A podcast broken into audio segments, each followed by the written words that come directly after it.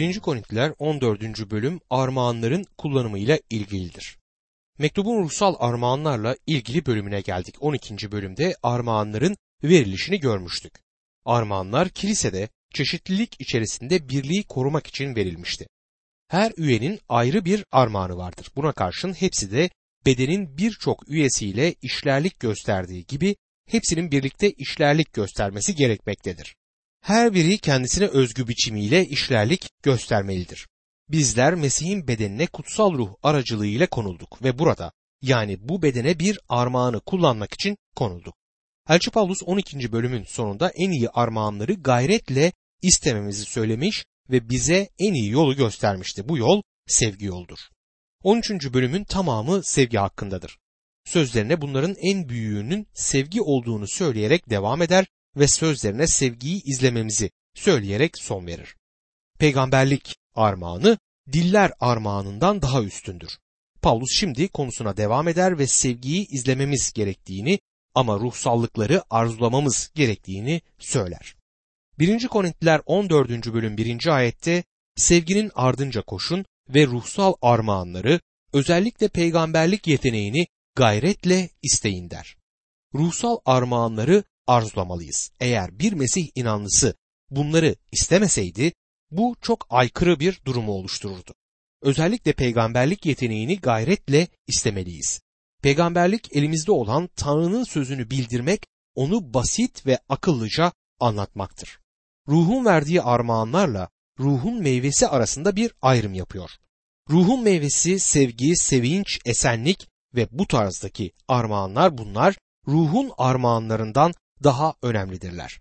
Bazı çok içten insanlar bana ruhun armağanlarını almanız için dua edeceğim diyorlar. Onlara ilgilerinden ötürü minnettar olduğumu ama bunun yerine ruhun meyvesine sahip olmayı yeğlediğimi söylüyorum. Ben hem kendi hayatımda hem de inanların hayatlarında ruhun meyvesini daha çok görebilmeyi isterdim. Daha çok sevgi görmeyi istiyorum. En önemli şey budur ve kutsal ruhun meyvesidir.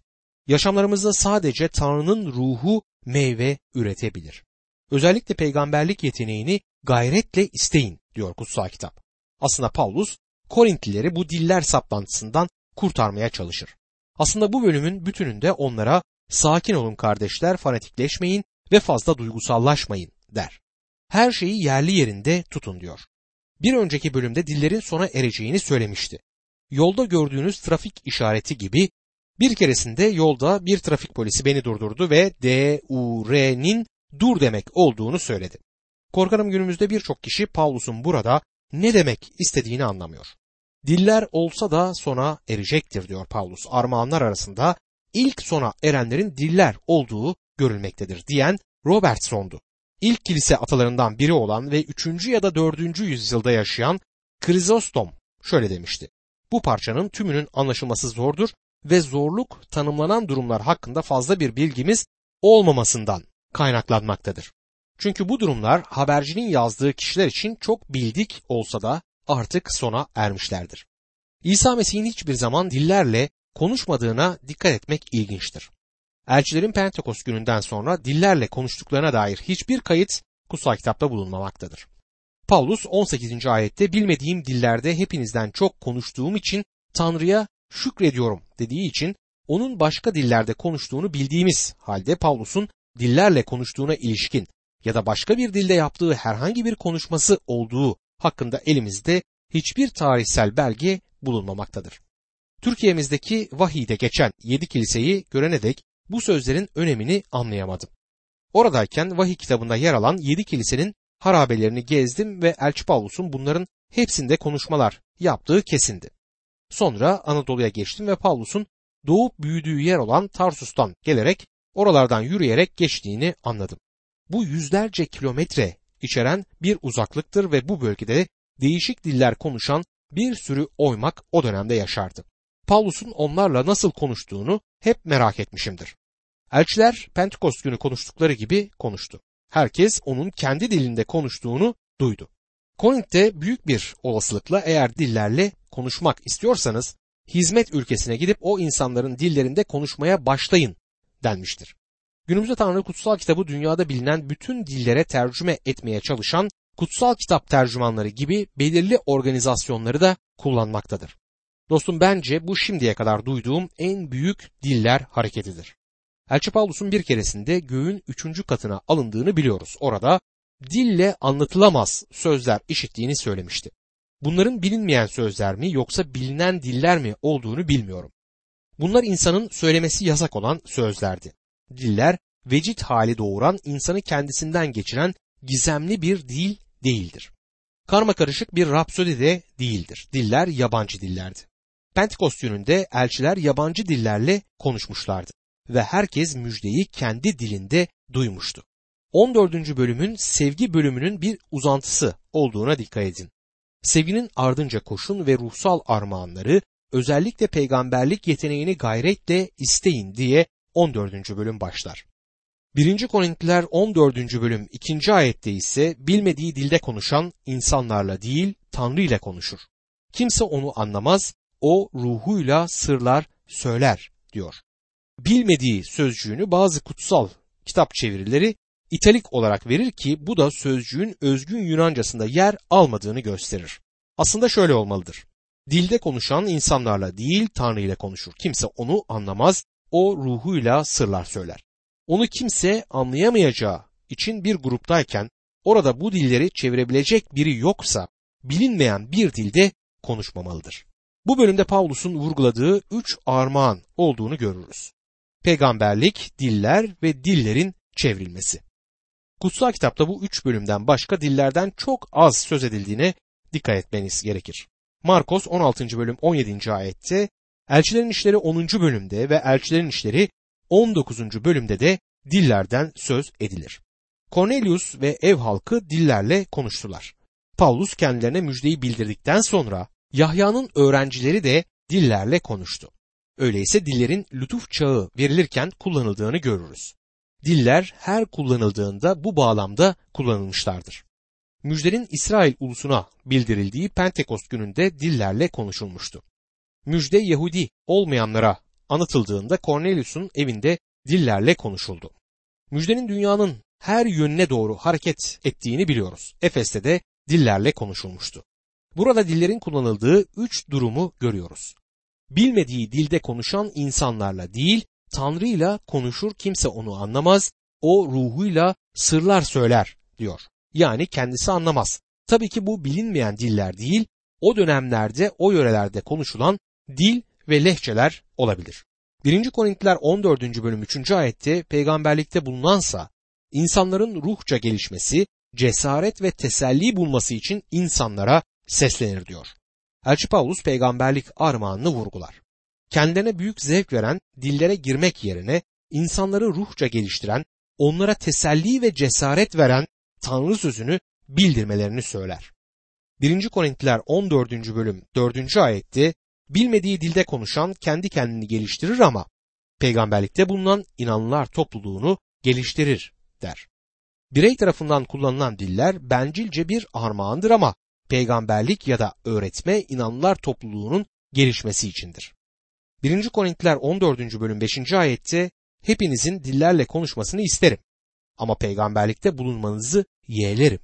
Diller inanlar topluluğunun gelişmesi için çevrilmedikçe peygamberlikte bulunan dillerle konuşandan üstündür diyor.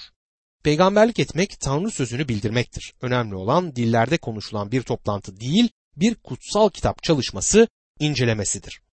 Peygamberlikte bulunan öğreten demektir. Öğreti yapabilmesi için orada dilleri çevirecek birisi yoksa kimsenin dillerle konuşmaması gerekmektedir. 1. Korintiler 14. bölüm 6. ayette şimdi kardeşlerim yanınıza gelip dillerle konuşsam ama size bir vahiy, bir bilgi, bir peygamberlik sözü ya da bir öğreti getirmesem size ne yararım olur diye soruyor Elçi Paulus. Sizinle konuşmak için yanınıza geldiğimde söylediklerim anlaşılmazsa gelmemin ne yararı var diye soruyor. 1. Korintliler 14. bölüm 7 ve 8. ayetlerde kaval ya da lir gibi ses veren cansız nesneler bile değişik sesler çıkarmasa kaval mı lir mi çalındığını kim anlar? Borazan belirgin bir ses çıkarmasa kim savaşa hazırlanır diyor. Sık sık bilinmeyen dillerde konuşan insanların o seslerle yaptıklarını ben bir müzik aletiyle yapabilsem fena olmazdı diye düşünmüşümdür. Ama çıkardığım ses sadece anlamsız bir ses olur. Yaşamı olmayan cansız bir aletin bile bu dünyada bir anlamı olması gerekiyor. Çağrı borusu belirgin bir ses çıkarmazsa kim savaşa hazırlanır? Çalınan boru orduya savaş alarmı vermek için çalınırdı. Ve dostum günümüzde bizler de müjdeyi çok açık bir şekilde sunmalıyız. 1. Korintliler 14. bölüm 9. ayette bunun gibi siz de anlaşılır bir dil konuşmazsanız söyledikleriniz nasıl anlaşılır? Havaya konuşmuş olursunuz diyor. Elçi Paulus bu işi bırakalım. Eğer bir mahsuru yoksa biraz daha anlamlı konuşalım der. 1. Korintliler 14. bölüm 10 ila 12. ayetler arasında ise kuşkusuz dünyada çeşit çeşit diller vardır. Hiçbiri de anlamsız değildir. Ne var ki konuşulan dili anlamazsam ben konuşana yabancı olurum. Konuşan da bana yabancı olur. Bu nedenle siz de ruhsal armağanlara heveslendiğinize göre inanlar topluluğunu geliştiren ruhsal armağanlar bakımından zenginleşmeye bakın diyor. Dünyada birçok dil var. Ancak aynı dili konuşmayan insanlar arasında iletişim olamaz. Kilisede kimsenin anlamadığı bir dili konuşuyorsanız kilisedeki insanlara karşı nasıl yapıcı olabilirsiniz? Önemli olan budur. Kiliseyi bina ediyor musunuz? İnanları bina ediyor musunuz? 1. Korintiler 14. bölüm 13. ayette bunun için bilmediği dili konuşan kendi söylediklerini çevirebilmek için dua etsin der. Dillerle söylenilen her şey çevrilmelidir. Yoksa kimse için bir anlamı olmaz. Eğer dillerde konuşan kişi dilleri çeviremiyorsa o zaman dilleri çevirme armağanına sahip bir başkası olmalıdır. 1. Korintiler 14. bölüm 14. ayette bilmediğim dille dua edersem ruhum dua eder ama zihnimin buna katkısı olmaz der. Dostum bu Tanrı ile kendi özel zamanlarında dillerle konuştuklarını söyleyenlere bir yanıttır. Eğer zihin bundan bir yarar görmüyorsa o zaman ruhsal bakımdan sizi yüceltmez. Yani kutsal ruh size hizmet ediyor olmaz. Pavlus zihnin bundan bir yarar görmediğini söyler.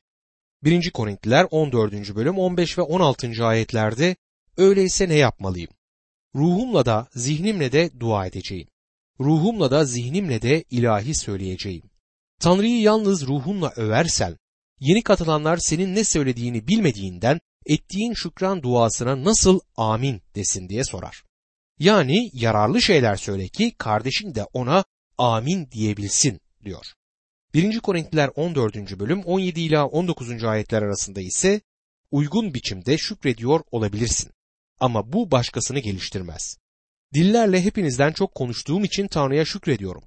Ama inanlılar topluluğunda dillerle on bin söz söylemektense başkalarını eğitmek için zihnimden beş söz söylemeyi yeğlerim diyor. Şimdi sanırım Elçi Paulus bir hizmetkar olarak en az on değişik dilde konuştuğunu söyler. Ve büyük bir ihtimalle bunu dört ya da beş ile çarpabiliriz. Yabancı bir oymakla bir hizmet alanındayken onlar onun dilini anlamıyorlardı ve o da onlarınkini anlamazdı. Bundan sonra onlarla kendi dillerinde konuştu. Onu anladılar ama Paulus kendisinin ne söylediğini anlayamıyordu. Ama kendisiyle aynı dili konuşan inanların bulunduğu kilisede onların anlayabileceği dilde konuşacaktır. 1. Korintliler 14. bölüm 20. ayette kardeşler çocuk gibi düşünmeyin. Kötülük konusunda çocuklar gibi ama düşünmekte yetişkinler gibi olun diyor. Şimdi Korintlileri yine azarlar. Onlara dünyasal olduklarını, Mesih'te çocuklar gibi davrandıklarını söylemişti. Şimdi de çocuk gibi hareket ettiklerini söylüyor. 1. Korintliler 14. bölüm 21. ayette kutsal yasada şöyle yazılmıştır. Rab yabancı diller konuşanların aracılığıyla yabancıların dudaklarıyla bu halka sesleneceğim. Yine de beni dinlemeyecekler diyor. Gördüğünüz gibi anlaşılan bir dilden söz eder. Başka insanlarla kendi dilleriyle konuşacağım demektedir. 1. Korintiler 14. bölüm 22. ayette görülüyor ki bilinmeyen diller imanlılar için değil imansızlar için bir belirtidir. Peygamberlik ise imansızlar için değil imanlılar için bir belirtidir. Hizmet alanına diyelim ki Pisidya Antakya'sına gittiğimde farklı bir dilde konuşuyorlardı. Bu yüzden onlarla kendi dillerinde konuştum. Ve müjdeyi onlara kendi dillerinde sunduğumda iman ettiler. Şimdi İsrail'de bu insanlarla karşılaşınca onlarla onların ve benim bildiğim dilde konuşuyorum. Bu yüzden peygamberlik ediyorum. Yani onlara Tanrı sözünü bildiriyorum demektedir. Herhangi bir armağanın kullanımında yerel kilisede düzen de şimdi konu edilir. 1. Korintiler 14. bölüm 23. ayette şimdi bütün inanlılar topluluğu bir araya gelip hep birlikte bilmedikleri dillerle konuşurlarken yeni katılanlar ya da iman etmeyenler içeri girerse siz çıldırmışsınız demezler mi diyor. Yabancı birinin kiliseye girdiğinde grubun delirmiş olduğunu düşünmesini istemeyiz. Ve günümüzde ihtiyacımız olan bir şey varsa o da Tanrı sözünün mantıklı ve anlamlı bir sunumudur. Bu dünyadaki insanlar zeki, bilimsel ve sofistikler. Anlaşılabilir, mantıklı bir mesaj peşindeler.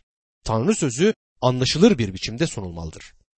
1. Korintiler 14. bölüm 24 ve 25. ayetlerde ama herkes peygamberlikte bulunurken iman etmeyen ya da yeni katılan biri içeri girerse söylenen her sözde günahlı olduğuna ikna edilecek, her sözde yargılanacak.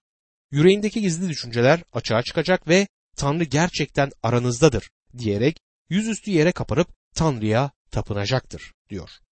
Yani eğer Tanrı sözünü bildiriyorsanız ve iman etmemiş birisi içeri girerse ikna olup iman edecektir diyor. 1. Korintiler 14. bölüm 26. ayette ise öyleyse ne diyelim kardeşler? Toplandığınızda her birinizin bir ilahisi, öğretecek bir konusu, bir vahyi, bilmediği dilde söyleyecek bir sözü ya da bir çevirisi vardır. Her şey topluluğun gelişmesi için olsun. Eğer dillerde konuşma olacaksa orada dilleri çeviren birinin bulunması gerekir. Ve verilen mesaj topluluğu geliştirecek türde bir mesaj olmalıdır. Bu özel dönemde her ulustan olan insanların Tanrı sözünü duymaları gerekliydi. Bu elçiler tüm bu dilleri nasıl konuşacaklardı? İşte Tanrı onlara özel olarak bu dilleri konuşabilme armağanını verdi. Bunlar bilinen dillerdi. Ama ne yazık ki insanların gizemsel bir şeye merakı o kadar yoğun ki çok kolay bu türden yanlış öğretilere kayabilirler. Şimdi elimizde Tanrı'nın sonsuz sözü bulunmaktadır. Tanrı bize sözü aracılığıyla bugün konuşur. Tanrı'yı duymak istiyorsak onun sözüne gitmeliyiz. 1. Korintliler 14. bölüm 27 ve 28. ayetlerde eğer bilinmeyen dillerle konuşulacaksa iki ya da en çok üç kişi sırayla konuşsun. Biri de söylenenleri çevirsin. Çeviri yapacak biri yoksa bilmediği dilde konuşan toplulukta sessiz kalsın. İçinden Tanrı'yla konuşsun. Sadece yapıcılık değil, düzen de olmalıdır. Birisi dillerde konuşacaksa çeviren biri olmalıdır ve mesaj Tanrı sözüne uygun olmalıdır. Değilse Tanrı'nın ruhunu taşımamaktadır. Bundan emin olabilirsiniz. Günümüzde şimdi bunlara zaten gerek yok ama hemen hemen her dilde ve lehçede Tanrı sözü çevrilmiş durumdadır. Eğer bugün birisinin dilini konuşamıyorsak ona kendi dilinde bir kutsal kitap alıp armağan edebiliriz. 1. Korintiler 14. bölüm 29 ve 30. ayetlerde iki ya da üç peygamber konuşsun. Öbürleri söylenenleri iyice düşünüp tartsın. Toplantıda oturanlardan birine vahiy gelirse konuşmakta olan sussun diyor. Zamanın kilisesinde peygamberler vardı ve bunlar peygambersel bir şekilde konuşabiliyorlardı. Filipus'un kızlarının peygamberlik ettiklerini biliyoruz. Elçilerin işleri 21. bölüm 9. ayette bunu okuruz. Aynı bölümde Akabus'un da peygamberlik ettiği söylenmektedir. 1. Korintiler 14. bölüm 31. ayette herkesin öğrenmesi ve cesaret bulması için hepiniz teker teker peygamberlikte bulunabilirsiniz der. Hepsi teker teker peygamberlikte bulunabilirlerdi. Yani burada peygamberlik Tanrı sözünü duyurmaktır, bildirmektir. Herkes Tanrı sözü hakkında bir şeyler söyleyebilir. Bazı kişilerin tanıklık toplantılarında söyledikleri bazı şeyler bana büyük bir bereket olmuştur. 1. Korintiler 14. bölüm 32 ila 33. ayetlerde peygamberlerin ruhları peygamberlerin denetimi altındadır.